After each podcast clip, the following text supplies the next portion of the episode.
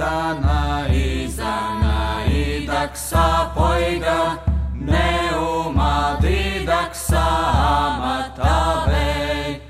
Cik stūru mūsu tēvu zemē, un cik katram no tiem savu rakstu un garšu, stāstu un melodiju.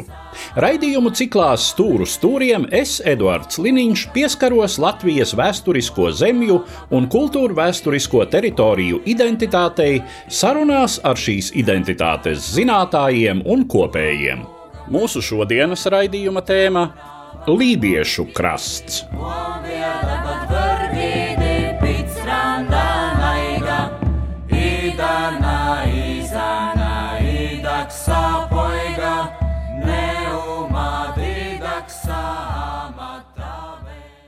Labdien, cienījamie klausītāji! Sarunā par lībiešu krasta identitātes vēsturiskajām saknēm un šodienu Latvijas Universitātes Lībiešu institūtā tikos ar institūta vadītāju, dzinieku Valtu Ernstreitu, institūta vadošo pētnieci un Lībiešu kultūras centra vadītāju Renāti Blumbergu un sabiedriskās organizācijas Lībiešu savienība vadītāju Ievu Ernstreiti. Lībiešu krasta identitāte un lībiešu identitāte. Cik lielā mērā šie nojēgumi pārklājas un kādos aspektos? Tās tomēr ir lielākoties divas dažādas identitātes, jo lībiešiem pēdējais gadsimts ir bijis ļoti sarežģīts. Lībiešu krasts, kas ļoti ilgi sargāja lībiešu kultūru un valodu izolētā vietā, pēdējā gadsimta laikā ir kļuvis pārāk interesants. Abu pasaules karu laikā Lībiešu krasts bija pārvērsts par frontes zonu. Lielākā daļa lībiešu bija spiesti gan Pirmā, gan Otrā pasaules kara laikā krastu pamest. Un savukārt 50. gados, kad uh, padomju okupācijas apstākļos tika izveidota pierobežu zona, tad uh, faktiski lībiešu kopiena pameta lībiešu krastu, varētu teikt, gandrīz visa un apmetās uz dzīvi ārpus tā. Un kopš tā brīža divi zari aizgājuši. Viens ir tas, kas notiek Lībiešu krastā, otrs ir tas, kas notiek Lībiešu kopienā, kura Lībiešu krastā nedzīvo, tomēr saglabājas ļoti spēcīgu saikni. Un Lībiešu krasta identitāte sāk mainīties 60. un 70. gados ar to, ka sāk parādīties jauni iedzīvotāji, kas ienāca šajā krastā, apmetās Lībiešu senajās mājās. Bet labā ziņa Lībiešu gadījumā ir tā, ka arī šie jaunie ienācēji ar ļoti lielu respektu lielākoties attiecās pret krasta lībiskajām saknēm. Un uh, viena tāda ļoti redzama izpausme ir lībiešu karogi, kas faktiski redzami mūsdienās visā lībiešu krasta teritorijā, bet viņi nenozīmē, ka tajās mājās dzīvo tieši lībieši. Tas nozīmē, ka tie, kas tur dzīvo, uzskata sevi par piederīgiem lībiešu krastam un savā ziņā arī lībiešu pasaulē. Lībiešu krasts vispār ir ļoti unikāla teritorija, jo Lībiešu krasts ir sala. Viņi neizskatās kartēs pēc salas, bet ir ģeoloģiski, kā šis krasts ir veidojies jūrai atkāpjoties, kas ir izveidojusi arī tādu ļoti saldabīgu, manuprāt, visā Ziemeļā Eiropā kangaru vigu ainavu. Tas ir pārmežots kāps, kas ir paralēli jūrai, un starp viņām tāds pārpurvots ieplaks, kas savā ziņā izolē šo lībiešu krastu. Līdz pat pagājušā gadsimta vidum tad daudz vieglāk Lībiešu krastā bija ierasties pāri pa jūru nekā caur sauszemi. Un tas padarīja šo Lībiešu krastu, šos Lībiešu krastu 14 ciemus, kā tādu salu veidu salu, kas sargāja, kā tas arī šodien daudz vietā notiek, citu arhaisku tautu gadījumā, kas noturēja šo lībiešu kopienu ļoti ilgi izolācijā un palīdzēja saglabāties lībiešu valodai, lībiešu kultūrai. Tikko tās robežas sāka vērties vaļā, tā, protams, tas ļoti uzreiz spēcīgi ietekmē. Manuprāt, tas jēdziens lībiešu krasts vai tikai nesāka mūsu apziņā dzīvot, tad, kad izveidojās Jā. valsts īpaši aizsargājumā kultūra vēsturiskā teritorija, kurai deva nosaukumu Līvodrānda, Lībiešu krasts, kurā gadā tas bija 91. Jā, 1991. Tam jau bija jūrmalnieki, un bija atsevišķi ciemi, bija lielirbnieki, bija mazirbnieki, bija sīkredznieki un lūžnieki, un tad jau to neuztvēra kā tādu vienu kopēju, no jūra visiem bija viena, protams, bet tie bija atsevišķi ciemnieki, Manā uztverē to, kas mūsos dzīvo kā lībiešu krasts, ir tiešām mūsu dzimtās vietas. Apziņa manai paudzei par lībiešiem bija, varētu teikt, ļoti maza. Tikai nojautās, tikai atsevišķās tādās epizodēs, kuras katrs cilvēks izjūt kā savu dabību. Piemēram, pastā pēkšņi tu dzirdi, ka tā nav mana valoda, ka tā ir cita valoda. Tad tu vēl dzirdi, ka pie tava vecā tēva ierodas divi, trīs, četri jauni cilvēki, un atkal, kāpēc viņi nerunā latviešu? Vēlāk noskaidrojam, ka tie ir igauņu studenti, kas pie vecā tēva atbraukuši runāties lībiski, bet eh, vecais tēvs ar mums nekad nebija runājis lībiešu valodā. Tā īsāk sakot, tā augsne mūsos droši vien bija caur jūru, caur dabu, caur nodarbošanos, caur zveju, bet mēs jau to visu darījām caur latviešu, caur latviešu valodu, caur kurzemniekiem, caur ventiņiem, caur vietējiem iedzīvotājiem, kur tiešām runāja tādā valodā, kā Ventspīlī arī runāja, bez galotnēm, ar saviem izteicieniem, ka tas varētu būt bijis saistīts ar lībiešiem. Tā apziņa bija ļoti, ļoti trausla laikā pirms Baltijas krustakariem redz Latvijas teritorijas kartēs šo lībiešu teritoriju, kas tobrīd aptver praktiski visu vidzemes rietumu daļu, aptver lielu teritoriju kurzemes ziemeļos. Bet runājot par lībiešu krastu, tā ir jāsaka tā lībiešu vēsturiskā citadele, kur viņu klātbūtne ir saglabājusies visilgāk, jo tas lībiešu audums Latvijā nu, ir rāvies ar vien mazāks un mazāks.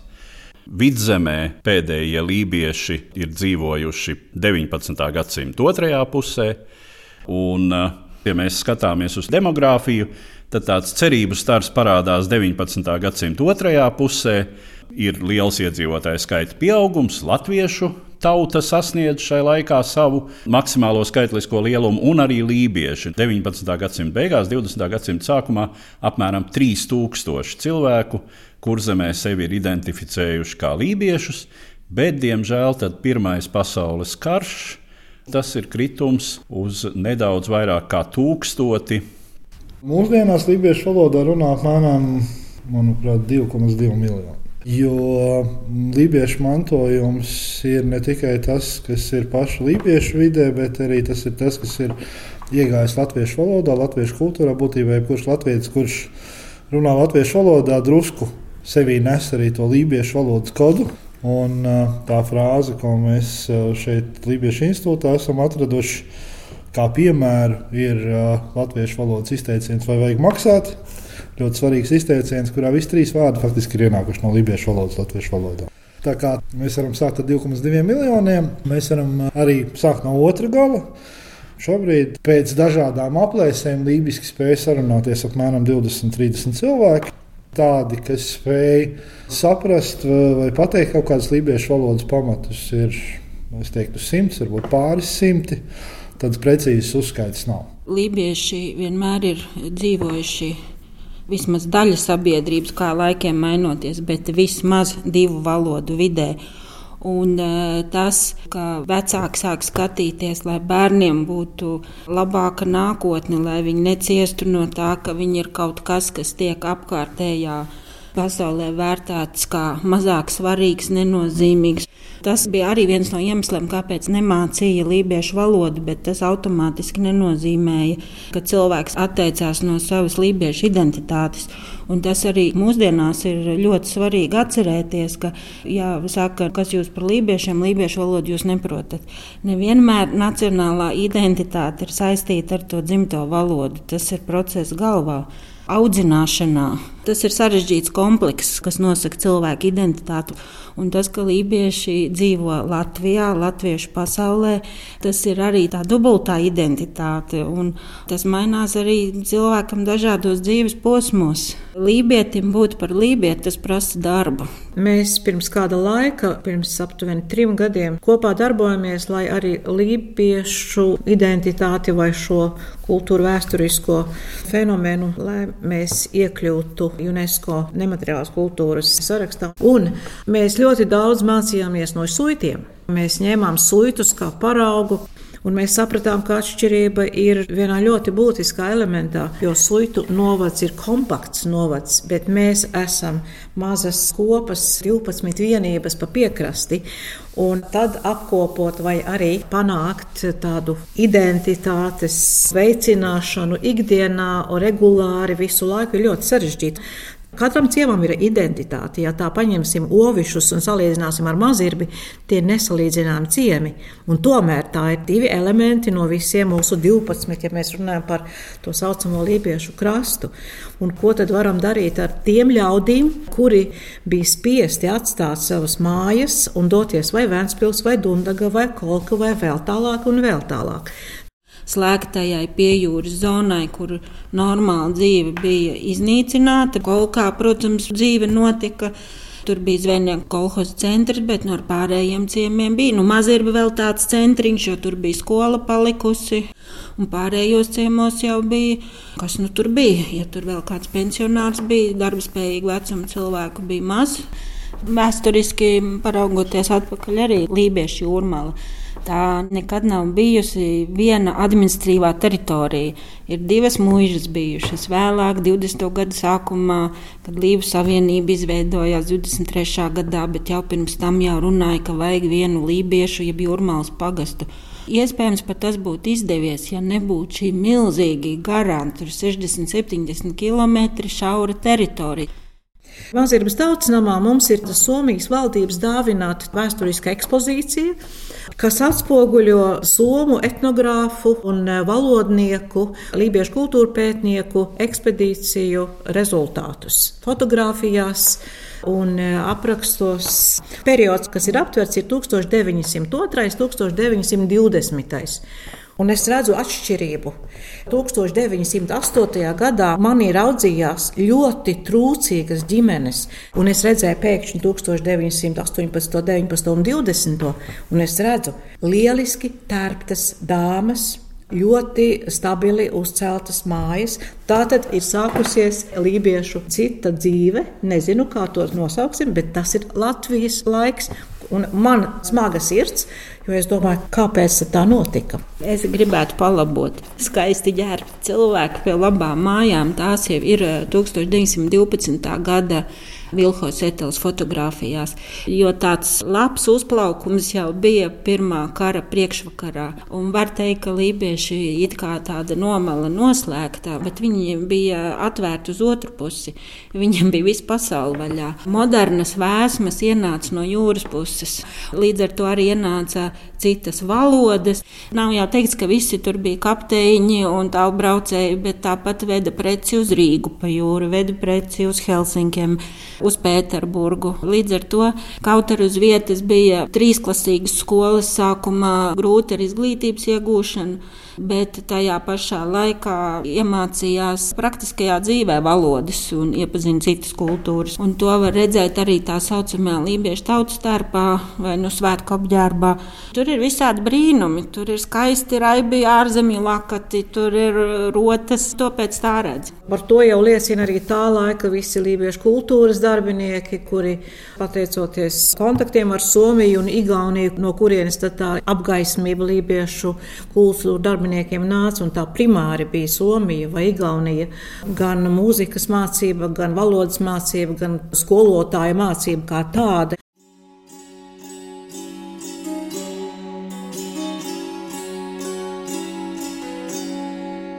Par lībiešu krasta identitāti sarunājos ar Latvijas Universitātes Lībiešu institūta vadītāju Dzēnieku Valtu Ernstreitu institūta vadošo pētnieci un lībiešu kultūras centra vadītāju Renāti Blumbergu un sabiedriskās organizācijas Lībiešu savienība vadītāju Ievu Ernštreiti.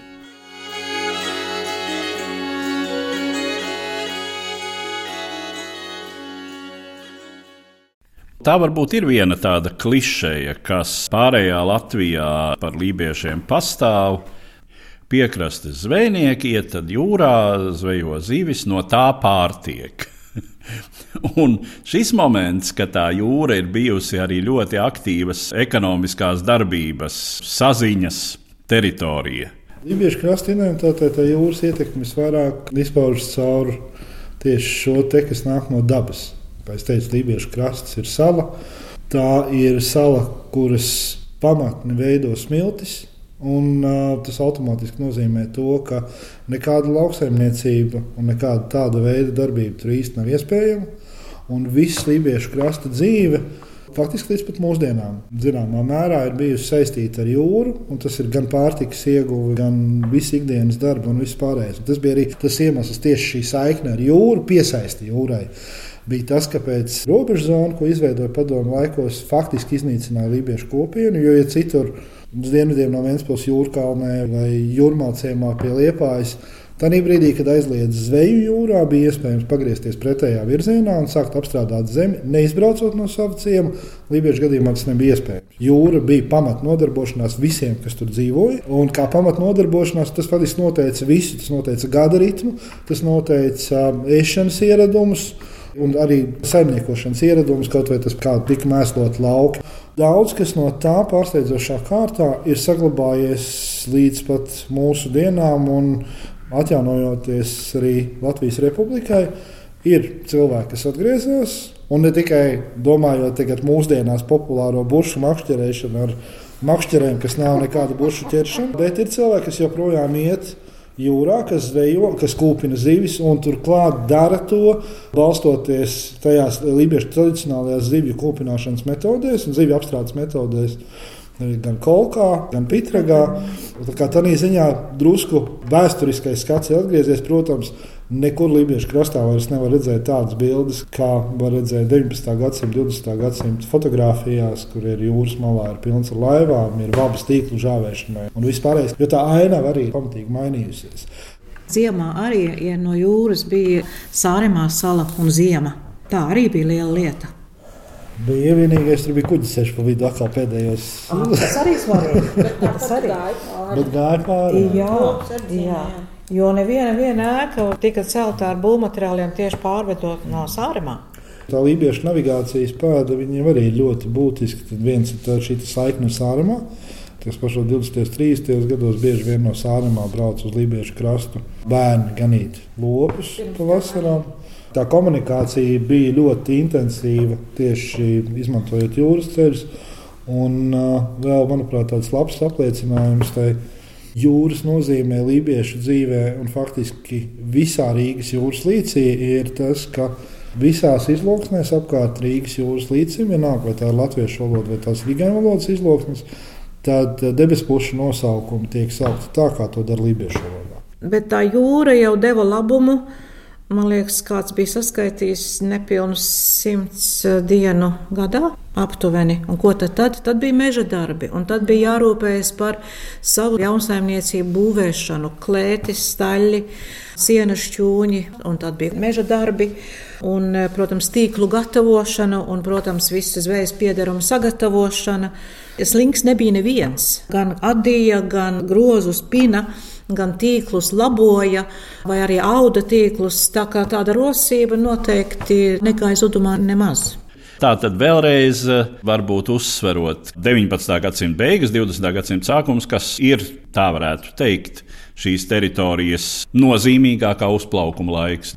Pēc iedzīvotāju skaita pieauguma, valodas lietotāju skaita, tad tas varēja būt jā, 19. gadsimta beigas, 20. gadsimta sākums. Daudzi, kas bija izpirkuši savus mājas, bet tāpat bija mūžas klaušas, tāpat, kas bija pagastam jāatstrādā. Tie, kas dzīvoja tur uz vietas, bija tā savu naturālā saimniecība, jādomā ko tu vari atļauties.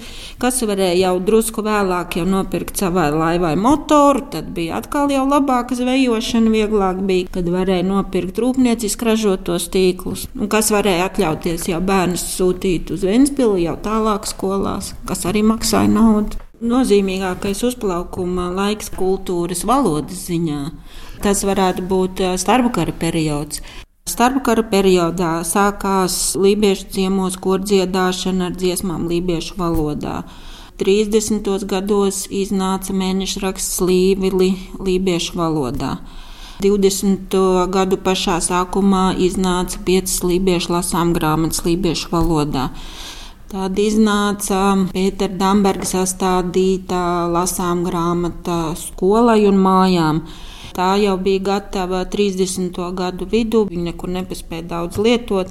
Tur bija arī peripētīs ar to, ka ģimene nebija ielikta un izstāstīts, ka Latvija ir mūsu tēvzeme. Sākās ar to, ka Lībiešu jūrmāli ir mūsu dzimtene. Un, tad ar Somijas diplomātu iejaukšanos beidzot tika atrasts tas vidusceļš, ka nodrukāja pievienoja vienu lapu grāmatai, un tad 39. 40. mācību gadu it kā atļauj lietot, bet nu, mēs zinām, kas tas bija pa laiku. Šie izdevumi daudzās ģimenēs tika glabāti kā dārgumi pēc kara ka ir kaut kas lībiešu valodā bijis nopublicēts. Nu, no tādām lielām lietām iznāca jaunās derības tulkojums, Karls Staltis tulkoja pilnais izdevums 42. gadā Helsinkos.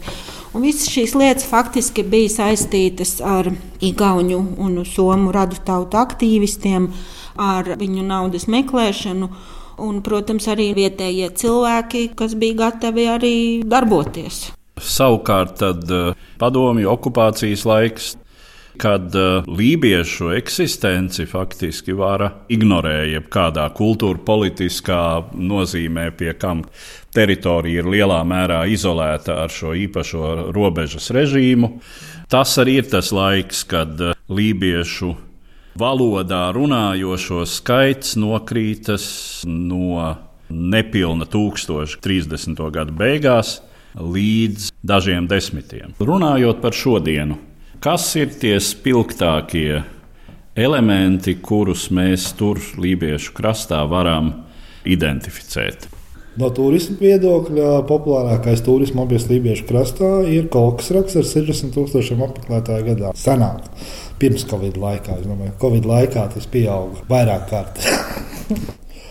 to lībiešu mantojumu vislabāk var redzēt ciemos, ciemu struktūrā, karogos un arī kapsētās. Jo Lībiešu krasta kapsētas ir tā vieta, kur var atrast ļoti daudzus kapu pieminekļus tieši lībiešu valodā. Tā ir viena no retajām vietām, faktiski, kur lībiešu valodu var redzēt dabā. Arī tad, kad lībieši devās projām no krasta, daudzi no viņiem pēc savas nāves vēlējās nonākt atpakaļ. Un tas ir sava veida arī tāds apliecinājums tai lībiskajai spēcīgajai identitātei, bērnos ieaudzinātai.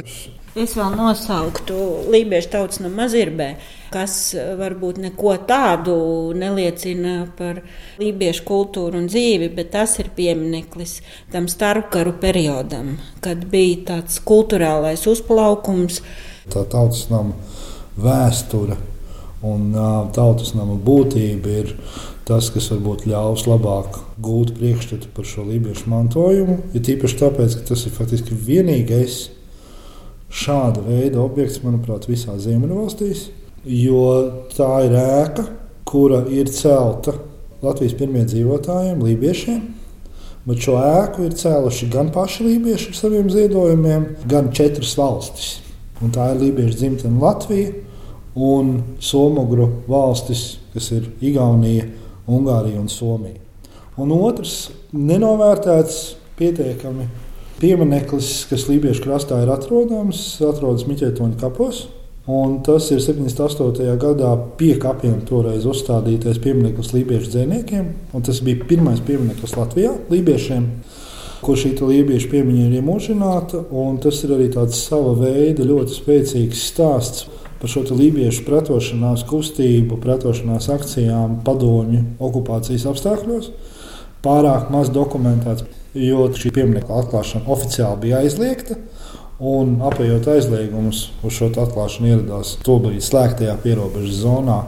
Manuprāt, kopā ar četriem autobusiem ar dziedātājiem, dziniekiem un, un Latvijas intelektuāļiem. Un tas kļuva par tādu arī simbolisku aktu visā šajā lībiešu mantojuma glabāšanā padomju laikā. Kā ir ar uh, ceļa rādītājiem, lībiešu valodā. Ir atrisināti visi tehniskie šķēršļi, kas saistās ar zīmju uzstādīšanu. Nākamā gada pirmajā pusē, atkarībā no budžeta virzības, tad ir sagaidāms, ka faktiski Lībiešu krastā, visā krasta teritorijā, visas ceļzīmes tiks nomainītas uz divu valodu ceļzīmēm. Ieskaitot tādus autobusu pieturus un upi nosaukumus, kas ir nemazāk svarīgi kā norādes uz ciemiem. Un ir zināma cerība, ka parādīsies pirmie nosaukumi vidzemes lībiešu valodā jau vidzemes lībiešu galā, respektīvi tā ir pāles, veciems un limbažs. Par kādām kulinārām vai citām spilgtām sadzīves īpatnībām, kas varētu būt saistītas ar šo teritoriju. Es atceros, ka esot palīgā vecākiem darbos, eh, runa par Miķeļu torni, ka man visas vasaras garumā nevienu reizi neapnika zivju ēdieni.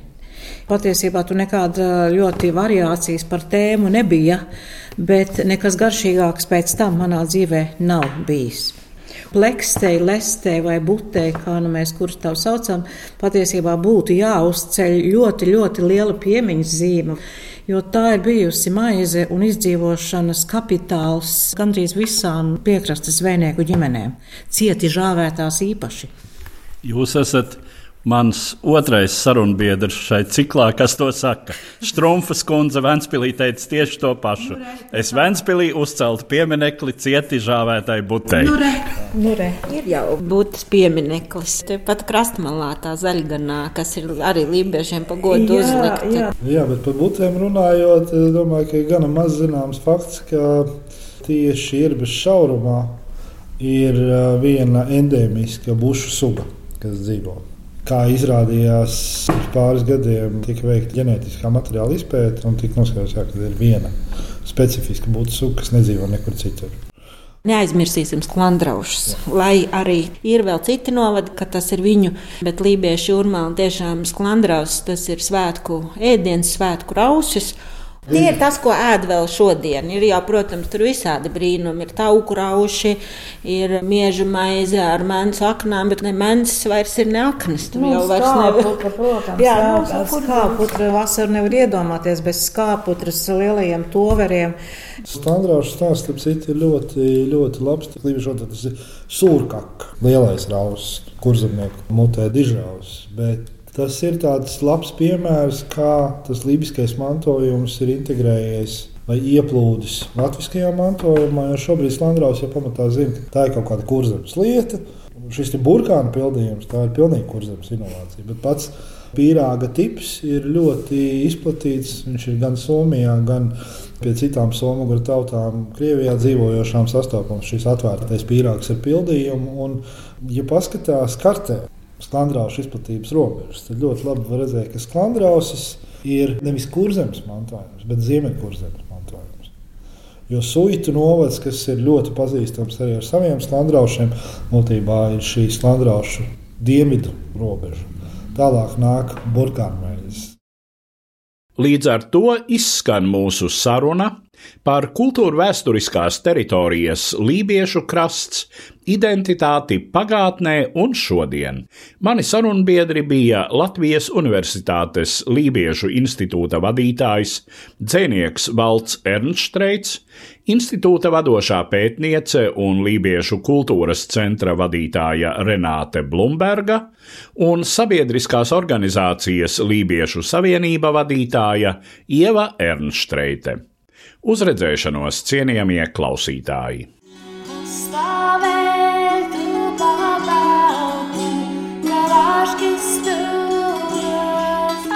Latvijas vēsturisko zemju un kultūra vēsturisko teritoriju īpatnējā identitāte Eduarda Liniņa sarunās ar šīs identitātes zinātājiem un kopējiem. Raidījumu cikls Stūru stūriem Latvijas radio ēterā katra mēneša pēdējā ceturtdienā pēc pulksten trījiem pēcpusdienā.